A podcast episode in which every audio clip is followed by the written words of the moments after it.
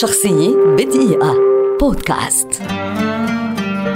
جيمس وات مهندس اسكتلندي ولد عام 1736 ويعد واحدا من أبرز المخترعين الذين غيروا التاريخ. تلقى وات تدريبه عند صانع للأدوات في لندن ثم عاد إلى غلاسكو ليعمل في مهنته. وقد كان على علاقة صداقة قوية مع الفيزيائي جوزيف بلاك مكتشف الحرارة الكامنة. وكان لهذه الصداقة الأثر الهام في توجيه وات إلى الاهتمام بالطاقة التي يمكن الاستفادة منها من البخار كقوة محركة. وقد أجرى عدة تجارب للاستفادة من ضغط البخار.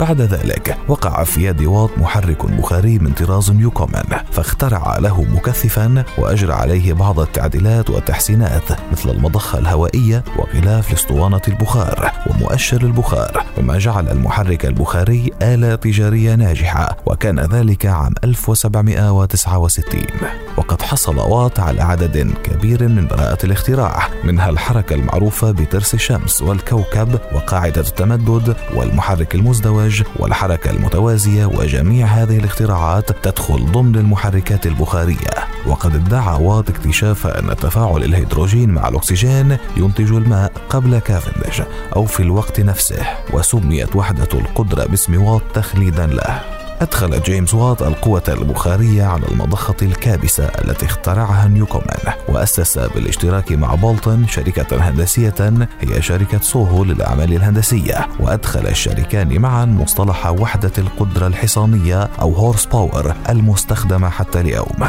عام 1819 رحل جيمس وات بعد إصابته بمرض السل عن عمر ناهز 83 عاما. شخصية بدقيقة.